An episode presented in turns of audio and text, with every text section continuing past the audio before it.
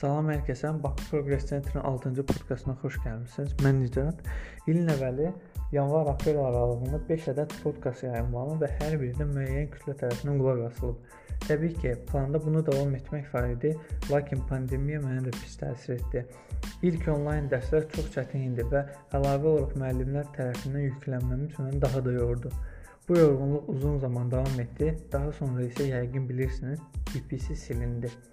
Düzdür, bir neçə ay sonra eyni adı Instagramdan yenidən əldə etsəm də, lakin 7000 nəfərdən artıq o kütlə itdi. Heç nə olmaz, bu da bir təcrübədir. Bu podkast 2020-ci ilin son podkastıdır və ümid edirəm ki, növbəti il olacaq yeni podkastlar üçün də bir motivasiya olacaq. 2020-ci il həm yaxşı, həm də pis pis il oldu. Çox çətin, acı və kədərli anlarımız oldu. Lakin 30 illik həsrətimizə çatdıq. Qarabağı geri əsl sahibinə qayıtdı. Əlavə olaraq e, dünyada da bir e, bir sıra çox vacib hadisələr oldu. İstəyirəm ki, bəzilərini yada salaq. Livanın paytaxtı Beyrut şəhərində partlayış baş verdi. Şəhər demək olar ki, tam dağıldı və əsas limanı tam tam məhv oldu. Limanda olan gəmilər də, ərzaq da və mallar da məhv oldu. Bundan sonra onlarla ölkə öz köməyini göstərməyə hazır olduğunu bildirdi və ya dəstək oldu. Hətta Fransanın prezidenti Emmanuel Macron bir neçə gün sonra səfər etdi. Belarusda prezident seçkiləri keçirildi. Prezident ə, e, Aleksandr Lukashenkoya qarşı Svetlana Tixanovskaya mübarizə apardı. Nəticə isə belədir. Hələ də Lukashenko prezidentdir. Avstraliyada yanğınlar oldu və yanğınlar başladığı gündən 240 gün sonra tam söndürüldü. Çinin Wuhan şəhəri tam karantinə alındı. 6 həftə heç kim çölə çıxa bilmədi və bununla da koronavirusun önünü tam kəsdilər. Daha sonra pandemiya bütün dünyaya yayıldı.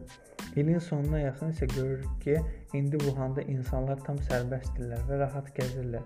Hətta əyləncə mərkəzləri də işləyir. Dünyada isə əksinə. Pandemiyaya görə havada olan karbon qazı 7% azaldı və Şimali İtaliya, və Çin kimi ölkələrdə bu, bu çox hiss olundu. Bizdə də sərt karantindən sonra havanın təmizliyi hiss olundu.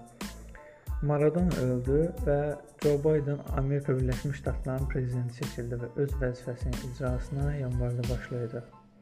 Bunlar yüzlərlə maraqlı hadisələrdən yalnız bir neçəsidir. Ən yaxşısı isə bizim üçün il sonu baş verdi. Bu da Qarabağın şanlı ordumuz tərəfindən azad olunması və Türkiyə prezidenti Recep Tayyip Erdoğan və Azərbaycan Respublikasının prezidenti İlham Əliyevin iştirakı ilə baş tutan paraddır. Hazırda isə sərhədlərin müəyyənləşdirilməsi və hər iki tərəfin öz mövqelərinə yerləşməsi işləri davam edir. Ümumi olaraq bu il mənim üçün də uğurlu keçdi. Ən əsas məsələ özümü tapdım, kim olduğumu, nə istədiyimi və hara getmək istədiyimi anladım. Bu çox vacibdir və hazırda gəncliyin ən böyük problemidir. Özünü tapmaq cavabı səhifədə etdiyim anketlərdə də tez-tez gəlir.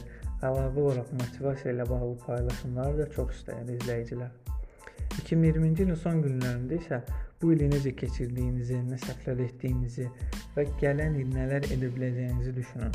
Mən düşünürəm ki, daima 1 aylıq, 1 illik deyil, 2-3 illik, biraz uzun vadəli planlar və hədəflər qurmalıyıq. Bu hədəfləri də illərə və yarım illərə bölməliyik. Yeni il ərəfəsidir. Hər birimizin içindən gələn e, içində gələn illə bağlı çox xoş ümidlər var.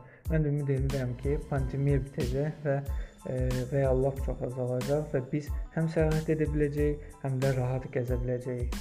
Hər birinizə gözəl bir yeni il arzu edirəm. Bax Progress Center